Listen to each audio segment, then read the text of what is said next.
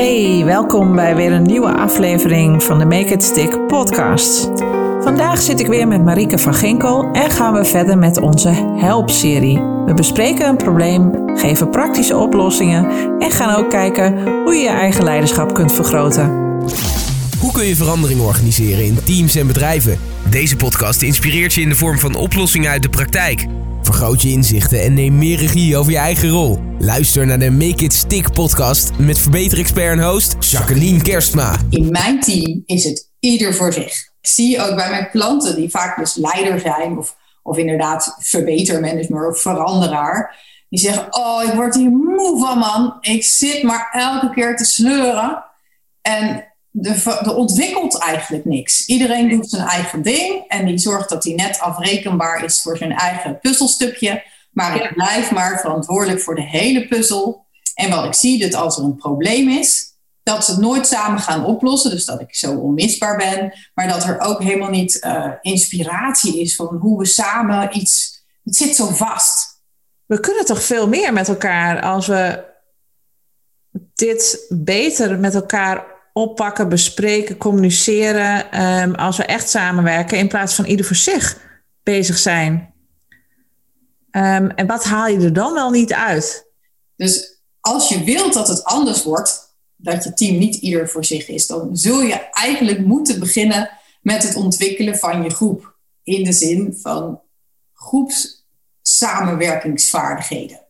Dus dat de groep als geheel leert, hoe kunnen wij nou samen uh, onze doelstelling behalen en hoe werken we dan samen en hoe lossen we conflicten op. En wat we hier leren aan leiders is, nou, zorg dat je dat proces kan begeleiden.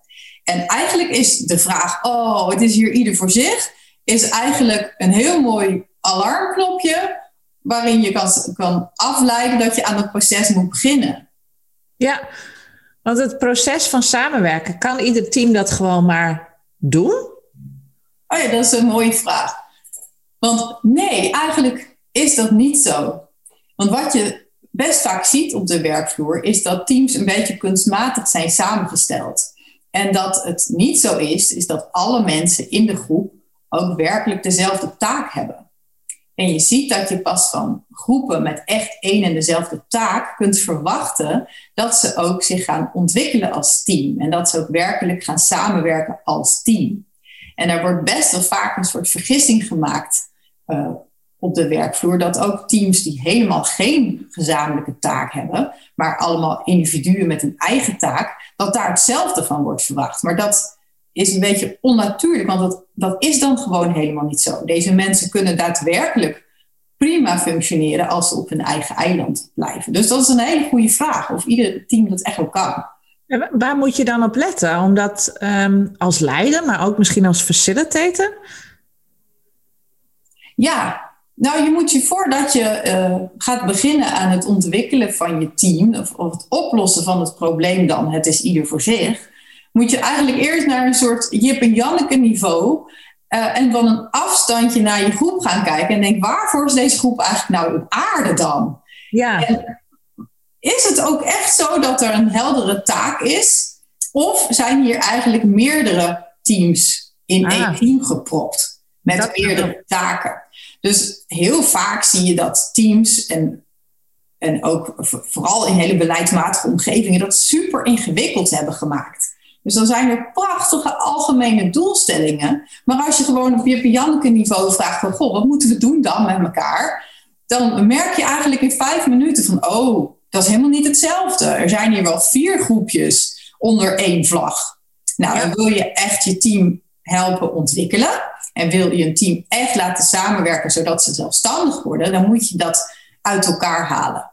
Want een team kan pas echt zelfstandig worden of zelfsturend of echt lekker functioneren uh, als ze uh, één taak hebben die ze echt samen moeten doen. Ja, en als je nou, daar weer dan praktisch naar kijkt, hè? Mhm. maakt het ook nog wel uit wat voor team je dan in zit natuurlijk. Als je een projectteam bent, dan mhm. is zo'n taak vaak duidelijker te omschrijven, want het is, heeft een begin en een eind. En het is succesvol als dat en dat is gerealiseerd. Als je een leiderschapsteam bent, dat is eigenlijk, dat stopt nooit. Nee. Uh, dan, en je hebt heel veel op je bordje natuurlijk als leiderschapsteam. Ja. Um, hoe hou je daar de focus? Mm-hmm. Dat is denk ik de vraag die je daar uh, moet stellen. Um, want zo'n leiderschapsteam moet natuurlijk ook wel zelfstandig hun dingetjes doen. Mm-hmm. Um, maar het, het waarom zij een leiderschapsteam zijn, Um, dat moeten ze goed voor zichzelf uitvogelen, want ze hebben een bepaalde verantwoordelijkheid daarin. En welke doelstelling hoort daar dan bij? Dus waarom zijn wij het leiderschapsteam? Ja, klopt. En dat is precies de vraag. Dat heel vaak wordt er ontzettend ingewikkeld gedaan en moeten we het juist weer heel simpel maken. Of je nou een projectteam bent of een leiderschapsteam, je moet eigenlijk altijd in één of twee zinnen kunnen zeggen: dit is onze taak als groep en dat is ook de reden dat we een groep zijn, want zonder elkaar konden we het niet. En aan het eind van het verhaal is dit gelukt en trekken we de champagne open. En vaak is het zo algemeen gemaakt en zo vaag, dat, we eigenlijk niet meer zo goed weten waarvoor we bij elkaar zijn en wat we precies uh, dan aan elkaar hebben en wat we precies moeten doen. Dus dat is eigenlijk de eerste stap die je moet zetten als je denkt, nou, in mijn team is het ieder voor zich en ik wil dat dat verandert als je daar een leider van bent, is het allereerste wat je moet bedenken van, is dit werkelijk een groep? En wat wil ik dan met die groep? Wat moet die groep leveren? En soms is het alleen maar het delen van informatie. Prima, maar laten we dat dan zo zeggen. En dan weet je van, oh, dat is het. Maar soms heb je wel echt een, echt een team met één taak. En wil je ook echt dat dat team niet langer ieder voor zich werkt, maar helemaal super zelfstandig zal zijn. Nou, dan heb je, kun je kijken van hoe kan ik het team zo ontwikkelen en helpen door de fases van groepsdynamica, zodat ze zelfstandig dat kunnen halen. Nou, en daar zijn natuurlijk allerlei gradaties in, want voor een managementteam, die kunnen ook, ja, die hoeven niet aan het eind een concreet tastbaar resultaat, die hebben meer een procestaak. Maar ook zij mogen kijken van, goh, wat is het dat we willen halen met elkaar? Laten we dat bespreken. En hoe we dat optimaal gaan doen samen, dat is teamontwikkeling.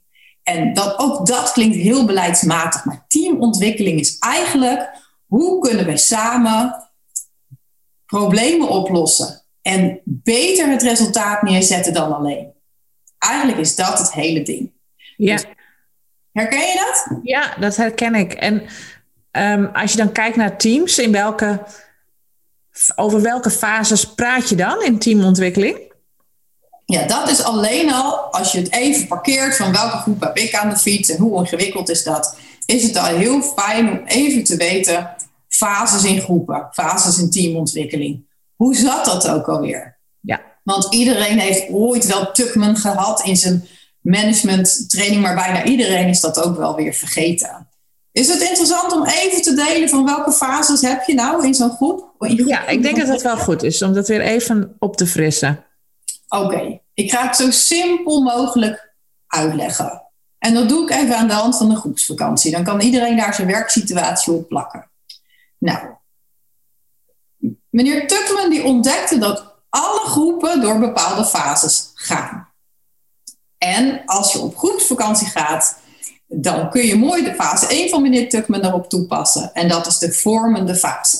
En de vormende fase ziet er zo uit. Je komt uit je vliegtuig, je ziet je groep bij elkaar staan en je gaat verkennen, oh jee, het doel van mijn groep is dat we samen op vakantie gaan, maar hoe gaan we dat vormgeven dan? Hoe maken we het samen leuk en hoe gaan we met elkaar samenwerken om het leuk te maken? En in die fase is dat dus eigenlijk wat je zit te doen. Je zit te kijken van, oh, hoor ik hier dan wel echt bij? Hè? Is dit echt wel mijn groepje? Uh, pas ik daar wel in? En, en hoe ga ik dan zorgen dat mijn eigen belang voor die vakantie, dat dat geregeld wordt? Nou, meneer Tukman heeft dat allemaal prachtig beschreven in zijn uh, uh, model. Helder. Dit is eigenlijk wat er gebeurt. Je zit te verkennen, waar pas ik in die groep? En je maakt je zorgen over je belang. Herken je dat ook? Ja, helder. Ik herken hem wel. Ja, je gaat uh, aftasten inderdaad. En welke mensen vind ik leuk? En waar kan ik het straks wel uh, leuk mee vinden, denk ik. En inderdaad, ook die onzekerheid van, oeh, ja, pas ik hier wel in? Ja. Het is een beetje positie zoeken, denk ik, hè? als je het ook vergelijkt met paarden. Klopt. Ja, wat is mijn rol eigenlijk in dit plaatje? Ja, klopt. En, ja, aan paarden en zoogdieren, paarden in het bijzonder, kun je heel mooi zien hoe heftig deze fase eigenlijk is voor ons onderbewuste. Want je ziet bij de dieren, zie je dat het gepaard gaat met een heleboel energie en gegil en gedoe. En dat eigenlijk in no time, dat zie je ook heel mooi bij het hondenuitlaatveldje. Dan zie je ook elke keer dat proces hè, van de fase 1 van de groepsdynamica. En dan zie je dat die hondjes met heel veel energie eigenlijk direct de rangorde bepalen. Ja, en dat, dat is best een heftig ding. Want dat betekent soms dat je de sjaak bent. Hè? Dat je niet goed in die groep hangt. En soms betekent het dat je wint. Maar het is spannend. Ja, ja het zeg je wel leuk. De rangorde. Ook dat gebeurt natuurlijk bij de mensen. Alleen we, benoemen het niet zo. En we zijn misschien niet zo enthousiast als die hondjes. Eh. Nee. En dat vind ik ook zo geinig. Hè? Want wij zitten dan allemaal keurig in zo'n team ons netjes te gedragen. Maar als je kijkt naar het ronde uitlaatveldje, dan zie je dus ook heel veel enthousiasme. En ook heel heftige reacties. Dikke teleurstelling, want het hondje wat uh, wordt afgekat. Ja. Dus dat is heel geinig om te zien wat er in ons onderbewuste gebeurt in de fase 1 van de groepsdynamica. En dan lees je dan in de keurige theorieboekjes, er moet een doelstelling worden geformuleerd. maar dat is echt zo erg niet hoe het voelt, toch? Nee. nee. hey, dat is een mooi vergelijk. Ik denk dat ik elke keer als ik een groep zie, nu even dat hondenuitlaatveldje ja. denk. ja, maar als je, als, waar, waar, het zo nuttig is aan die fases, is dat je wel leert als leider, die wil dat het een, een goed gereguleerd clubje honden is, wat, zo, wat een taak krijgt, zeg maar. Dan zie je precies wat je te doen hebt. Ja. Want, nou, je moet in ieder geval daar een soort stabiele factor in zijn. Je moet soms ingrijpen, hè? dan is het, uh, gaat het niet goed. En jij moet ook zeggen waar het heen moet. Hoe het gaat in de groep, wat de mores zijn. Maar ook, wij doen het hier zo, want we gaan daar naartoe. Ja. Dat is precies ook wat je als leider of als veranderaar te doen hebt als je een groep wil meekrijgen in die fase 1 van de groepsdynamica. Ja, dus afspraken, kaders, besluiten. Ja. ja, eigenlijk weten vaak mensen ook helemaal niet van, goh, wat moet ik nou precies doen? Uh, en, en wat moeten we dan als groep precies doen? En wat moet ik en wat mag ik? Heel vaak als er teams op teamdag komen, is het eigenlijk helemaal niet precies glashelder. Daar is nog heel veel te doen. Dus als leider um, is het dan ook, mag je dan ook verwachten dat als je in die fase zit, dat er ook heel veel naar jou wordt gekeken? Ja, absoluut. Absoluut. Het is een fase waar, um, waar je echt helemaal nodig bent. Ja. En heel vaak maken mensen daar een vergissing. Want die denken, ja, mijn team bestaat uit hoogopgeleide, super specialistische medewerkers. Die kunnen hun werk heel goed. Nou, dat zal echt helemaal waar zijn. Maar dat betekent niet dat ze ook heel goed kunnen samenwerken om dat groepsdoel te halen. Dat maakt helemaal niet uit wat je opleidingsniveau of je niveau van kennis of je soort kennis is helemaal niet belangrijk.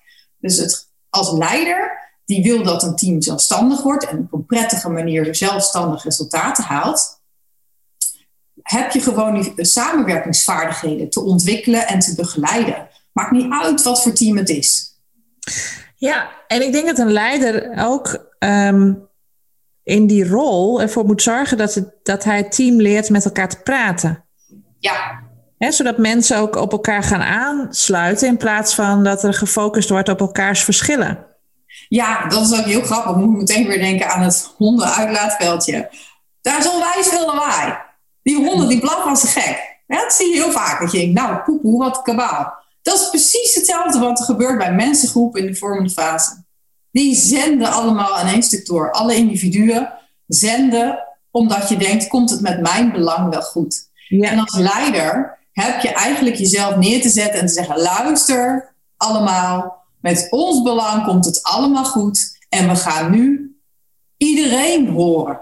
En dat klinkt ontzettend kinderachtig, maar je ziet dat het tot het hoogste niveau dat dat zendgedrag een enorme blokkade kan zijn voor werkelijke samenwerking. En dat je daar de taak hebt om zeg maar, de hondjes op het veldje even te kalmeren en te zeggen: En nou komt iedereen aan de beurt. En wat je dus doet, is het, het luistergedrag stimuleren. Ja, helder. En als je dat nou zo zegt, want het lijkt hè, of, heel veel, uh, of, of er heel veel, um, ja, met veel bombardie, zeg maar, um, gecommuniceerd wordt, of in ieder geval ieder wil gehoord worden. Ehm, toch is er toch ook veel angst in die fase. Is dat in die fase het grootst? Nee, nog niet. Het is inderdaad, het is een, hangt een beetje van de personen af, hè? Of, of hoe angstig het is. Maar er is altijd een vleugje angst. Of het wel goed komt met, je, uh, met jouw aandeel. Maar je ziet dat de angst gedurende het groepsproces stijgt. En meneer Tuckman had na de vormende fase de stormende fase onderscheiden. En de stormende fase is eigenlijk waarin de groep moet leren de conflicten te beslechten. Want in het begin is het nog lekker blaffen, maar op een gegeven moment, nou, dan moet het helder zijn dat het, ja, waar de rang of wie welke plek heeft op de rangorde. En daarvoor moeten kleine conflictjes of grote conflicten worden aangegaan in de groep. En dat is wat de groep doet in de stormende fase. En als leider moet je een groep daar doorheen begeleiden. En soms stelt dat niks voor. Is het een kwestie van een paar keer goed voordoen en uh, mooi gesprek begeleiden en heeft iedereen genoeg samenwerkingsvaardigheden om prettig van mening te verschillen en daar beter uit te komen.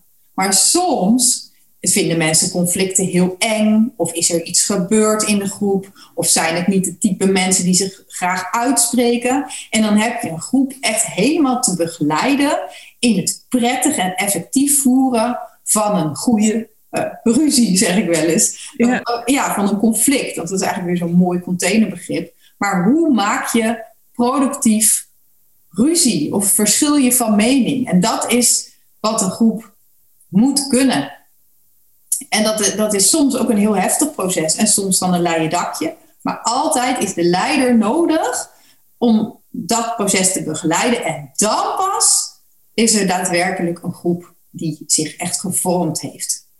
Daarna komt de normende fase, volgens meneer Tuckman. En daar gaan we afspreken hoe we het samen gaan doen. Maar daarvoor hebben we die hele rottige fase, die hebben we moeten passeren. En daar is de angst het grootst. Is die, die hele rottige fase, hè, komt die nu in veel eh, bedrijven voor? Wat, wat ik zie aan alle teams die de afgelopen tien jaar begeleid, is dat heel veel teams blijven hangen voor de rottige fase. Ja. Ja, 80% van de teams zit nog in die vormende fase, is mijn. Uh, is ook wat je in de literatuur vindt, maar ook wat je ziet in de praktijk. En komt dat ook omdat de teams weer wisselen? Ja. Dat er iemand nieuw of zo binnenkomt? Want dat, dat merk ik dan ook wel. Dan is er best wel veel rotatie in, uh, in teams. Of er komt, gaat iemand weg, komt er iemand bij? Of... Ja, dat is heel goed waargenomen. Het heeft eigenlijk twee redenen. De eerste reden is op het moment dat het team wisselt, beginnen we altijd weer opnieuw in die vormende fase.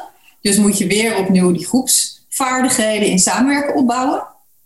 Maar er is nog een andere reden en dat is ons collectieve hekel aan meningsverschil. Niemand, bijna niemand, houdt ervan om echt van mening te verschillen, daarin kwetsbaar te zijn, het randje op te zoeken, misschien die samenwerking wel te riskeren en echt het conflict aan te gaan. Mhm. Dat is iets wat heel veel mensen moeten leren om te doen en ook wat heel veel leiders echt moeten leren om, om te leren hoe gaat het dan, zo'n conflict? En hoe doe ik dat eigenlijk, een conflict? En hoe zorg ik dat ik echt een rustige factor ben die dat conflict echt begeleidt en dat ik niet hop met kop en kont dat conflict in word gezogen? Ja. Dat ik zelf helemaal gestrest raak. Nou, en dat is iets wat je echt mag leren. En dat doen we in het jaarprogramma, deden we dat ook vaak. Hè? Ja. Dat we echt die stormende fase gaan zitten uitvoelen. Want ja, wat, wat je, kan je dat herinneren? Ja. Ja, en ook uh, met behulp van de paarden, dat je even geconfronteerd wordt ook met je eigen onrust daarin. Dus wat laat je zien? Ja. Uh, ben je duidelijk genoeg? Of, is er van, of speelt er in jouw energie nog van alles wat helemaal niet matcht met jouw gedachten? Ja. En dan zie je dat paard al van, nou ja, wat wil je nou? Ja. Um, ik snap niet welk kant je nu op wil. Nee, en die haakt af. Die haakt af. En dat was eigenlijk wel het, het goede doorvoelen van... hé, hey, oh, daar doe ik zelf iets niet helemaal congruent... waardoor het niet uh, landt. Ja. Maar wat ik dan niet begrijp is dat je, ehm, en die wil ik eerst even tegen jou aanhouden, want in heel veel leiderschapsprogramma's wordt er vaak gestart met nieuwe teams. Hè? Dus als een team uh, zijn eerste teamsessie bijvoorbeeld heeft, een leiderschapsteam, uh, nou dan gaan we um, eerst maar eens uh, leren feedback geven. Ja. En dan denk ik soms van, maar is, zijn we daar wel aan toe? Ja. Hoe zie jij dat? Ja, wat ik heb geleerd in al die jaren is dat feedback geven eigenlijk nooit werkt als het team nog niet veilig is. Hmm. En in die eerste fase wordt dat dan vaak ja, stap 1 gedaan, maar dan zit de groep bijna altijd in die vormende fase. En dat betekent dat het nog niet zo veilig is om feedback te geven. Dus het kan wel als de leider echt supergoed in staat is de veiligheid te creëren en te garanderen. Maar eigenlijk ontstaat die veiligheid pas echt in een groep als je een keer van mening bent, hebt verschild en je bent er samen uitgekomen.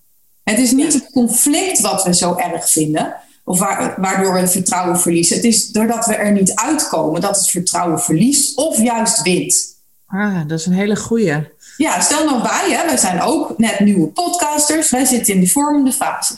Dus wij gaan nog een keer van mening verschillen. Ja. Als wij daar uitkomen, dan denken we ja, lekker, veilig. Weet je wel, we kunnen nu samen nog meer risico nemen en nog meer bouwen op, op elkaar. Maar als we er niet uitkomen, dan hebben we een klein deukje. Dan denken we, oh. Ja.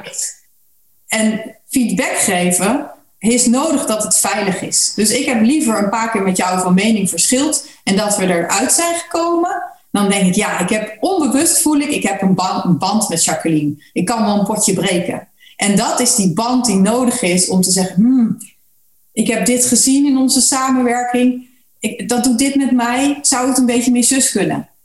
En dan is er een, een bodem voor feedback. Hoe, hoe, kun je dat als leider stimuleren? Dat dat soort gesprekken um, ontstaan? Ja, nou door het door het team te begeleiden in het verschillen van mening. En soms zijn dat maar hele kleine dingetjes, maar het team daar eigenlijk succeservaringen in te laten beleven, doordat jij het voorleeft. Ook door het te benoemen. Ja, jij moet daar als, als, als hoogste aap op de apenrots, of er meest ervaren aap op de apenrots, want zo ziet het team jou in die eerste fase, laten zien hoe het gaat in deze groep. En als we van mening verschillen, dan doen we dat op een respectvolle manier. We vragen helemaal uit wat er aan de hand is en we verzinnen samen een nieuwe oplossing. Als je dat drie keer hebt gedaan, dan denk je: oh wauw, ik, ben, ik, ben, ik hoor hierbij, ik ben veilig, ik kan, ik kan mij inbrengen, ik kan zeggen wat me dwars zit. En zo kan je als leider, je doe, doe je twee dingen. Je doet het voor ja. en je bewaakt de veiligheid. Als iemand van het team uit, uit de band springt, iets onveiligs doet, dan geef je daar een correctie op. Ja, en eigenlijk zeg je dan, het feedback geven laat je in eerste instantie bij de leider. En pas als we ons allemaal veilig voelen en we in de volgende fase zitten, mm in de stormingfase, dan is het veilig om elkaar te leren feedback te geven. Ja, vaak voelt in de stormingsfase zit je op je top van je onveiligheid. Want daar zitten dus net die grote conflicten. Of die, die, die wat meer opgeladen conflicten. En in die stormingsfase is het eigenlijk door op of door onder voor een team. Komen we er samen prettig uit of niet? Nou, als je daar doorheen bent, dan is vaak een soort cement gelegd. Of een, een fundering, kan ik beter zeggen om ook feedback te geven. Maar je kunt dus wel, het maakt ook uit waar je feedback op geeft. Hè? Je kunt, soms kom je als leider in of als veranderaar in een groep en denk je, jeetje mina, de onveiligheid is hier echt gierend. Het is verschrikkelijk. Nou, dan ga je niet beginnen met de kernthema's.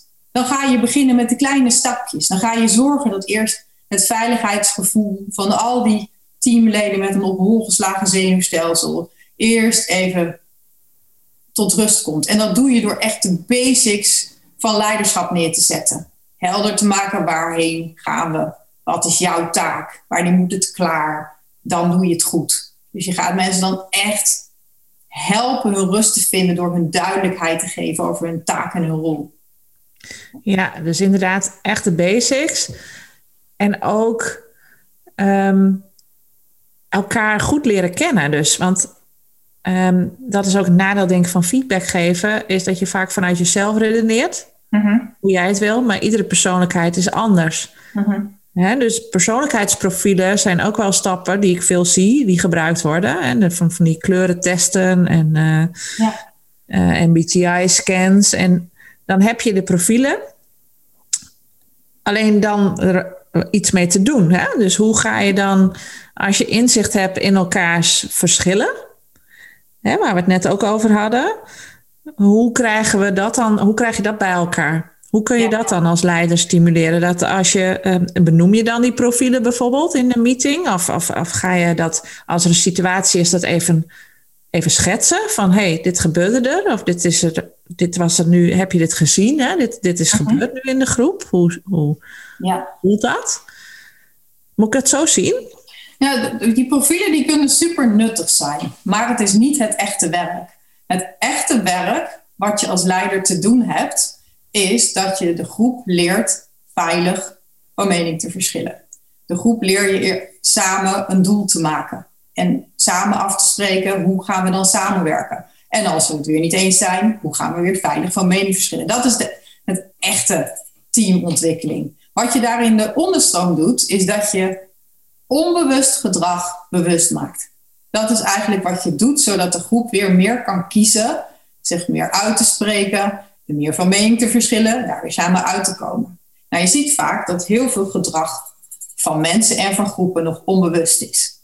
En die profielen die kunnen heel veel helderheid bieden om iemand te leren, kijk, dit, dit is hoe je in elkaar zit. Je begint eigenlijk met een soort proces van bewustwording van dit is jouw profiel en zo werkt het uit op een ander. En dat kan een hele mooie aanleiding zijn om bespreekbaar te oefenen met bespreekbaar te maken hoe het gaat. Dus je zoekt ook samen een taal daarin. Dat kan heel mooi zo werken. Ik heb er wel een mooi voorbeeld van, denk ik. Van ehm, een tijdje geleden ehm, in een meeting eh, van een groep, een leiderschapsteam wat, wat nog in de eerste fase zit. eh, waarbij een van de leiders ehm, het gewend is om het allemaal zelf te doen. Ehm, die is er voor iedereen, altijd bereikbaar, lost het gewoon zelf op. Ehm, een andere leider die in die groep zit, is gewend om de dingen op tafel te gooien en gezamenlijk op te pakken, of in ieder geval het probleem aan te kaarten en hulp te vragen. Ehm, de eerste leider die nou, maakte eigenlijk al een stapje door aan het eind van de meeting in een rondvraag te benoemen dat hij issues zag met de vakantieplanning. En verder hoefde daar geen actie op worden, maar daar was hij mee bezig. De andere leider reageert daarop van ja, waarom heb je dat dan niet op de agenda gezet? Het is het einde van de meeting, nu kunnen we het niet meer over hebben. Nu is het voorbij en het is toch wel een issue en daar hadden we het toch over kunnen hebben. En dan hadden we ook een, uh, een oplossing met elkaar kunnen bedenken. Mm-hmm. Wat kan een leider in zo'n situatie het beste doen? Ja, dat is een mooie vraag, want zoiets komt heel vaak voor. Dat je eigenlijk ziet dat sommige mensen heel moeilijk aangeven wat ze nodig hebben. En anderen dat sneller doen, maar ook eigenlijk een beetje verwijtend reageren. Van wat is het nou voor uh, slappe hap? Ja. Nou, dat is dus niet een veilige situatie. Nee. Dus wat je daar eigenlijk doet, is een spiegel houden voor het team. En zeggen, hey, dit is wat ik zie wat er gebeurt. Hoe willen we daar eigenlijk handig mee omgaan? Wat is al eigenlijk helpend gedrag hier? Helpt dit ons om het zo te doen of kan het handiger? Dus je maakt eigenlijk daar weer bewust van kijk, zo, zo gaat onze communicatie. Is dat wat we willen of kan het anders? Hoe kunnen we het de volgende keer beter doen? Dus je, je gaat het voordoen weer hè, van, en je gaat uitnodigen. Van, we, zijn we, naar bewustzijn van kijk, dit, dit is ons pingpongspel dat we de tijd doen. Jij vindt het eng, jij valt aan. Helpt ons dat? Ja. En je haalt die inhoud haalt je een beetje, haal je een beetje weg. Ja. Maar je probeert te komen tot een gesprek tussen beide personen. Van hoe willen we het volgende keer een klein stapje beter doen? Zodat we ons allebei gehoord voelen. En zodat het zoveel mogelijk het doel dient. Want we zitten niet bij elkaar om het gezellig te hebben. We zitten bij elkaar om taak te doen. We zijn professionals. Hoe, hoe kunnen we nou handiger, beter, fijner als professionals functioneren? En dat gesprek probeer je te stimuleren. Want ze handelen beide in hetzelfde belang. Dat is het probleem niet. Hè? Ja, maar je ziet soms ook enorme ja, cultuurverschillen tussen mensen die gewoon nooit hebben geleerd een conflict aan te gaan of zich uit te spreken. Sommigen die dat heel erg hebben geleerd of heel erg van qua persoonlijkheid heel makkelijk doen. En dat, daar heeft de groep een manier voor te vinden die bij die groep past, die werkt. En soms is die heel bizar, maar als het werkt, werkt het. Dus waar iedereen zijn zegje kan doen en iedereen, ja, dat de, de waarde van iedereen tot zijn recht komt. En dat is ook meteen dat je de overschakeling maakt van nu is het niet meer ieder voor zich. Ja. Nu komen we met elkaar ergens. Dus eigenlijk is dat de oplossing van de vraag. Wat kun je dan eens dat, dat proces een setje geven? Dat je zegt, ik ga dat, ik ga dat een beetje forceren? Of is dat juist onverstandig om te doen? Moet je, moet je, dat, moet je die fase uitzitten, als het ware? Is daar, hangt daar een tijd of zo aan vast? Hè? Dat nee. je, Nee, dat is grappig, want jij noemt al forceren, want zo voelt het heel vaak. Hè? Van, we gaan nu forceren dat iemand een keer zich uitspreekt. Ja, precies. En dat is precies de verkeerde kant op. Want dan je kan je voorstellen, als je bang bent en iemand gaat je forceren, dan ga je voor de rest van je leven onder een steen wonen. Zo werkt het gewoon niet. Nee. Dus wat, wat je kunt doen om het te forceren, is juist het uit te nodigen. Empathie ja, is hetgene wat hier, wat hier werkt. Dus juist door in alle rust een kopje thee te drinken en te zeggen: Goh, weet je wat ik nou zie gebeuren? Ik zie dat jij je best doet om je uit te spreken. Het is een beetje laat, op het laatste puntje van je vergadering. En ik zie dat jij had gehoopt dat het eerder ging, maar daar eigenlijk geïrriteerd over bent. Vertel, wat maakt dat je zo laat komt? Vertel, waarom doe je wat je doet? En op het moment dat. En vertel, waarom ben je zo geïrriteerd? Dus dat je juist als leider die stap die andere kant durft te zetten. En dat is vaak de kant van het ongemak. Dus je gaat juist uitvragen: waarom kom je zo laat?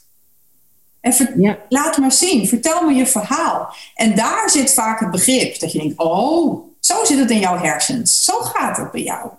Ja. Dus je gaat die empathie voorleven. Want heel vaak is het in het begin dat ieder voor zich die angst maakt juist dat er een enorme afgescheidenheid wordt ervaren. Want hij doet het zo hondsirritant.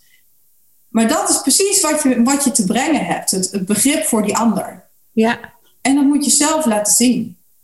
En dat is heel vaak tegennatuurlijk. Ja, en toch niet heel moeilijk als je het zo uitlegt. Het is een kleine interventie.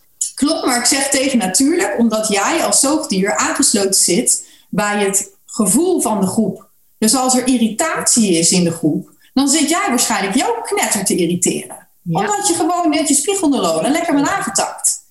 En dan heb jij de, het bewustzijn te hebben om te zeggen: Goh, ik merk dat ook mijn irritatie stijgt.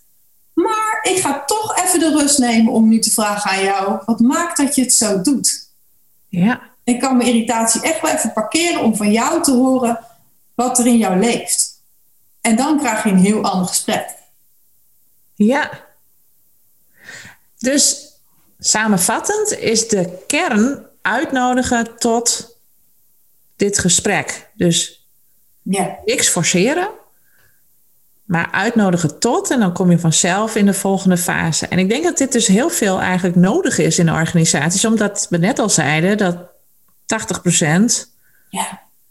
in tussen 1 en 2 wat hangt. Ja. En dan komt er weer een nieuw teamnet. Klopt. Ja. En dan ga je daar weer een profiel van maken. Ja. en die gaat weer in de uitnodiging. Ja, en zo, en zo blijf je bezig met het ontwikkelen van je teams. Klopt. Maar dan moet ook nog gewerkt worden. Ja, precies. Want dit is, dat, dat is wel een mooie samenvatting voor de vraag: help het is ieder voor zich bij mij in mijn team.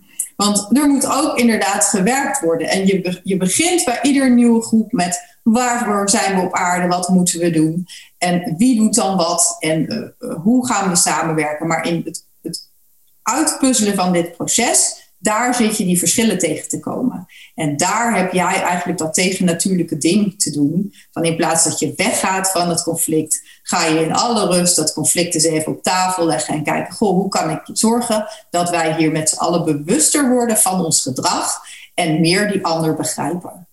En, en dat... wat levert dat me nou op hè, als leider? Hoe word ik daarvoor beloond? Want het is best intensief, kan ik me voorstellen. Dat uh, leiders ook denken, wat een gedoe. Dat ik dit allemaal um, op die manier moet faciliteren. En uh, elke keer even weer ah, terug naar mezelf. En oké, wat zie ik nu? Dit is wat ik zie. Ik nodig jullie uit om het gesprek te hebben. Ik kan me voorstellen dat je daar best wel een beetje moe van kan worden op een gegeven moment. Hè? Dus wat, wat brengt jou dat? Wat, wat zou nu een trigger kunnen zijn voor leiders om dat toch te gaan doen? Ja, wat nou, levert het op? Heel simpel antwoord: je krijgt anders nooit een zelfstandig team. Je krijgt een team wat vastzit in zijn ontwikkeling. Als je gewoon in die vormende fase, als je het, de groepsdynamica niet doorloopt en je gaat het team niet ontwikkelen en je gaat jezelf niet ontwikkelen daarin, en dan blijft het wat het was. Ja. Dus wat het je oplevert is dat je je team ontwikkelt en dan heb je ook echt een prijs. Want als je team ontwikkelt en zelfstandig kan samenwerken, dan kan jij je ook bezighouden met de dingen waar je waarschijnlijk de baan voor hebt gekozen met strategiebepaling, met de externe contacten, met de innovatie. Dan gaat het echt over leiden. Dus dan ben je niet meer reactief, maar dan kan je proactief. Dan kan je echt creëren. En dat is een hele fijne beloning. Daarvoor doen we het. Mooie afsluiting, denk ik. Ja, ik denk dat we daar moeten laten. Ja. ja. Leuk. Vind je het leuk om de volgende keer het over de volgende fase te hebben? Over de stormende fase? Ja. Ja, Zullen we die dan ook nadoen? ja? ja, hartstikke goed. Nee, laten we dat doen. Doen we dat de volgende keer. Hartstikke leuk. Dankjewel voor nu, Jacqueline. Jij ook bedankt. Oké, tot de volgende keer. Fijn dat je hebt geluisterd naar de Make It Stick podcast. Wil je als eerste op de hoogte zijn van nieuwe inspiratie? Abonneer je dan op deze podcast. Als je denkt dat deze aflevering ook voor mensen uit jouw netwerk interessant is, deel dan vooral de link. Wil je meer weten over Jacqueline en haar verbeterpassie? Je vindt haar via de website www.stik.nl.